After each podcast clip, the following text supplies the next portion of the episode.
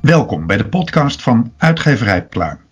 We gaan de boeken bespreken die de komende tijd verschijnen bij Pluim in gesprek met auteurs en samenstellers. En alvast excuses. Dit is een podcast in coronatijd, gemaakt vanaf zolders en vanuit kelders en via een overbelast internet. Dus de geluidskwaliteit weegt helaas niet op tegen die van de boeken.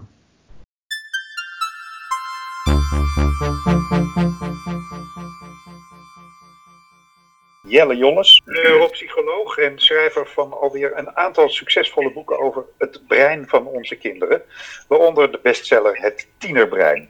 En van zijn hand verschijnt nu bij uitgeverij Pluim Leer je kind kennen. Goeiedag, meneer Jolles. Goeiedag. Mag ik uh, beginnen met een, een zin uh, uh, uit de aanprijzingtekst van het boek? die begint namelijk ermee dat u opvoeders oproept om de regie in handen te nemen. Wat bedoelt u daarmee? Hebben ze die op dit moment niet? Nou, niet, niet zoveel als eigenlijk zou moeten. Omdat op dit moment uh, kinderen van 10, 12, 14 voor een redelijk deel um, gezegd worden: exploreer maar, doe het allemaal zelf maar. En mijn stelling is dat een kind van 10, een tiener van 12, een adolescent van 16 nog een heel aantal jaar te gaan heeft. Dat hij heel veel prikkels, uh, kennis en ervaringen moet opdoen. En de ouder is zo vreselijk belangrijk om te zorgen dat zijn of haar kind die prikkels opdoet. En vandaar regie in handen nemen betekent dat je de voorwaarden schept, waardoor het kind veel meer relevante dingen opdoet, meer ervaring opdoet, beter leert en zich beter ontplooit. Oké, maar kunt u een voorbeeld geven van, van wat er gebeurt in de hersenen van een kind van 12, 13? Um, zo rond het tiende jaar, negende jaar, elfde jaar, dat is het eind van de kindertijd. Dan krijgt het brein een forse transformatie. Deels heeft dat met de puberteit te maken, natuurlijk de geslachtelijke ontwikkeling, lichamelijke ontwikkeling. Maar die hersenen die gaan met radicaal andere dingen bezig. De hersenen uh, die krijgen, die worden sociaal de hersenen, een sociaal brein, zorgt ervoor dat een tiener, een adolescent, veel meer geïnteresseerd is in sociale processen, in emoties van anderen, in hé, hey, wat, wat gebeurt daar? Terwijl mm, wij nog steeds geneigd zijn om naar school te kijken, de basisschool, de middelbare school. Die is natuurlijk heel erg belangrijk, die cognitieve ontwikkeling. Maar de sociale en de emotionele uh, uh, ontwikkeling die zijn eigenlijk belangrijker omdat die ook bepalen welke prikkels binnenkomen, hoe ze binnenkomen en hoe die daar worden opgeslagen. Dus ja. het gaat om de sociale ontwikkeling, de emotionele ontwikkeling en de interesse in andere mensen. En nou, nou hoor je tegenwoordig vaak, bijvoorbeeld door, door scholen, een beetje de klacht dat er deel van de opvoeding bij de school gelegd wordt. U, u zegt dus eigenlijk ook, uh, opvoeders, uh, hoewel u dat breed opvoedt, hè, opvat, hè, opvoeders zijn er niet alleen ouders. Nee, opvoeders dat zijn coaches op het voetbalveld of in het, uh, bij, bij de atletiek. Het zijn muziekcoaches, het zijn alle mensen, opa en oma zijn ook opvoeders. Dus eigenlijk hou ik niet zo van het woord opvoeder, omdat het zo'n zo'n sturende, zo'n zo'n sturend woord is. Maar opvoeders in bredere zin, vooral ouders, die scheppen voorwaarden. Die geven emotionele steun, die, geven, die wijze routes. En in die zin is het natuurlijk zo dat school, altijd, leraren zijn altijd opvoeders geweest. Maar belangrijk dat natuurlijk een leraar niet dezelfde opvoedende taak heeft als een ouder. Dus waar ik eigenlijk voor pleit in mijn boek is de pedagogische functie van het onderwijs is erg belangrijk en die moet weer terug. Ja, maar u zegt dat sociale aspect, dat wordt dus vanaf 10, 12 voor, voor dat kinderbrein, uh, voor dat kind veel belangrijker. Wat zou dat dan voor ouders betekenen? Wat, wat zouden ze, om het even te chargeren, anders moeten doen dan, dan ze nu misschien doen?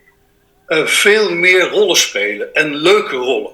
Dus niet aan je kind vragen van, en heb je je toets Engels alweer terug? Of hoe was het op school vandaag? Want dat zijn dan net de dingen die voor iedere tiener het allerminst belangrijk zijn. Dus het centraal punt is: heb interesse in je kind. Hm. En dat gaat vooral over de interesse in hoe het gaat met vriendinnen. Hoe het gaat met vrienden. Hoe het gaat met uh, de interesse die je hebt in dat vriendje. De interesse die je hebt in de muziekles. Dus je kunt als ouder veel meer ook plagen. Je kunt met spelletjes, je kunt gewoon, zonder dat je nou heel veel uren per week bezig bent, toch de interesse in je kind laten zien. Maar vooral dus niet alleen in de cognitie. Nee, en ehm, ja, je hoort ook wel eens mensen zeggen, dat, dat zijn dan vaak ouders, uh, die, die uh, zeggen ja, opvoeden, opvoeden. Ik heb eigenlijk geen idee hoe je dat doet. En ik geloof ook niet dat er zoveel op te voeden valt. Liefde geven, dat is het allerbelangrijkste. Nou, nou zult u het daar vermoedelijk mee eens zijn dat dat het allerbelangrijkste is. Maar daar blijft het dus niet bij, hè? Nee, wat ik veel. Kijk, liefde geven vind ik ongelooflijk belangrijk, natuurlijk. Maar daarnaast is routeswijze enorm belangrijk. Ik heb van mijn, mijn ouders spelletjes geleerd op mijn zesde, op mijn achtste, op mijn veertiende jaar. Spelletjes waardoor je ook sociale regels leert. Je leert eigenlijk vals spelen. Je leert ook ja, in redelijkheid met andere mensen omgaan. Je leert sportiviteit. Je leert ook incasseren.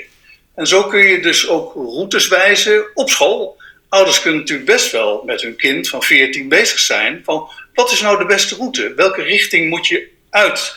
Ja, man, dat weet ik niet, want ik ben nu 14 en hoe, hoe, hoe weet ik nou wat ik op mijn 24ste ga doen? Dat heeft dat kind helemaal gelijk in.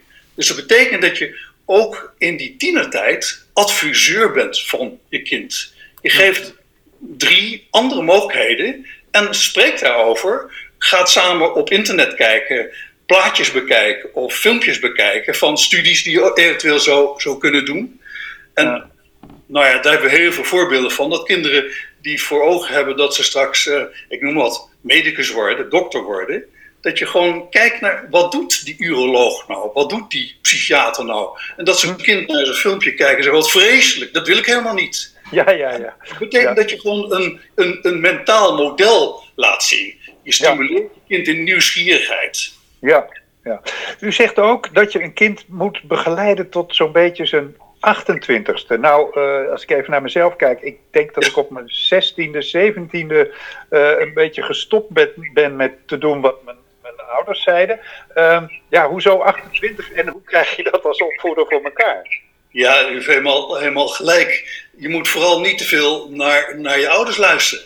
Dus de 16-jarige mag heel veel dingen waarvan ouders zeggen van zou je niet A doen? Dan kun je als kind zeggen van, weet je wat, vader zegt A, dan moet ik dus B doen. En dat is prima. Maar je moet als ouder dit weten. En soms betekent dat dat je weet, hè, je wil dan dat je kind A doet. En dan zeg je, ik denk dat je eens B zou moeten doen. En dan, dan doet het kind A. Dus in die zin, je hebt natuurlijk heel veel indirecte vormen van sturing, dan wanneer dat nodig is ik denk dat ook een groot belang van die tienertijd is dat kinderen identiteit krijgen. Dat ze gewoon een identiteit ontwikkelen. En dat ouders ervoor openstaan dat die identiteit anders kan zijn dan wat zij willen. Want dat is ook de vrijheid die je kind moet geven. Maar nog, je kunt adviseur zijn, tien adviezen geven, waarvan er maar twee opgevolgd worden en acht niet. En dat is dan ook de mooie interactie tussen kind en ouder dat je gewoon het kind leert dat die ouder soms dingen weet die misschien toch wel het overwegen waard zijn. Ja, en bent u een adviseur in die zin dat het een, een heel concreet boek is geworden met echt heel veel praktische, concrete tips? Ja, ik heb uh, geteld, er staan misschien wel honderd tips in, zeg maar. Zo ook uh, tabellen, of in ieder geval voorbeelden van wat je zou kunnen doen en hoe. En ook waarom je op je 14e jaar, een 14-jarig kind, soms adviezen geeft, soms mentor bent en heel soms ook wel sturend bent. Sturend omdat een kind toch wel geneigd is om hele risicovolle dingen te doen. En dan moet je gewoon zeggen: nee, nee. Jij als 14-jarige kunt dat niet beoordelen. Dus je beschermt je kind tegen dingen die fysiek of psychiatrisch in de geestelijke gezondheid gevaarlijk kunnen zijn. En daar staan tips over. Ja. Is het een goede ontwikkeling dat ouders op dit moment veel meer met hun kind thuis zitten? Mm, ja en nee. Eh, ja, omdat je de gelegenheid krijgt om nou eens wat meer met je kind te praten. Nee, Omdat heel veel kinderen en ouders ongelooflijk uh, ja, genoeg van elkaar hebben. Dus als je met z'n vieren zit op een 80 vierkante meter, is dat wel heel erg klein. Dus um, mijn tip, mijn raad op dit gebied is vooral openstaan voor het feit dat je kind, je tiener, nog werk in uitvoering is. En dat hij niet de ervaring heeft die jij hebt. Dus ga hem niet op zijn huid zitten. Maar ga vooral investeren in de positieve dingen. het positieve van bij elkaar zitten in de coronacrisis is dat je gewoon wat aan elkaar kunt hebben. En dat je als ouder ook leuke dingen kunt vertellen. Over jezelf, over jeugd, over dingen die je verkeerd hebt eh, gedaan. Daar kun je hartelijk over lachen. En daardoor je kind ook wat meer inzicht geven in hoe jij als ouder bent. Het lijkt me uh, dat uh, heel veel mensen juist op dit moment hun voordeel kunnen doen met uw boek, meneer Jolles. Dank u wel. Dank u wel.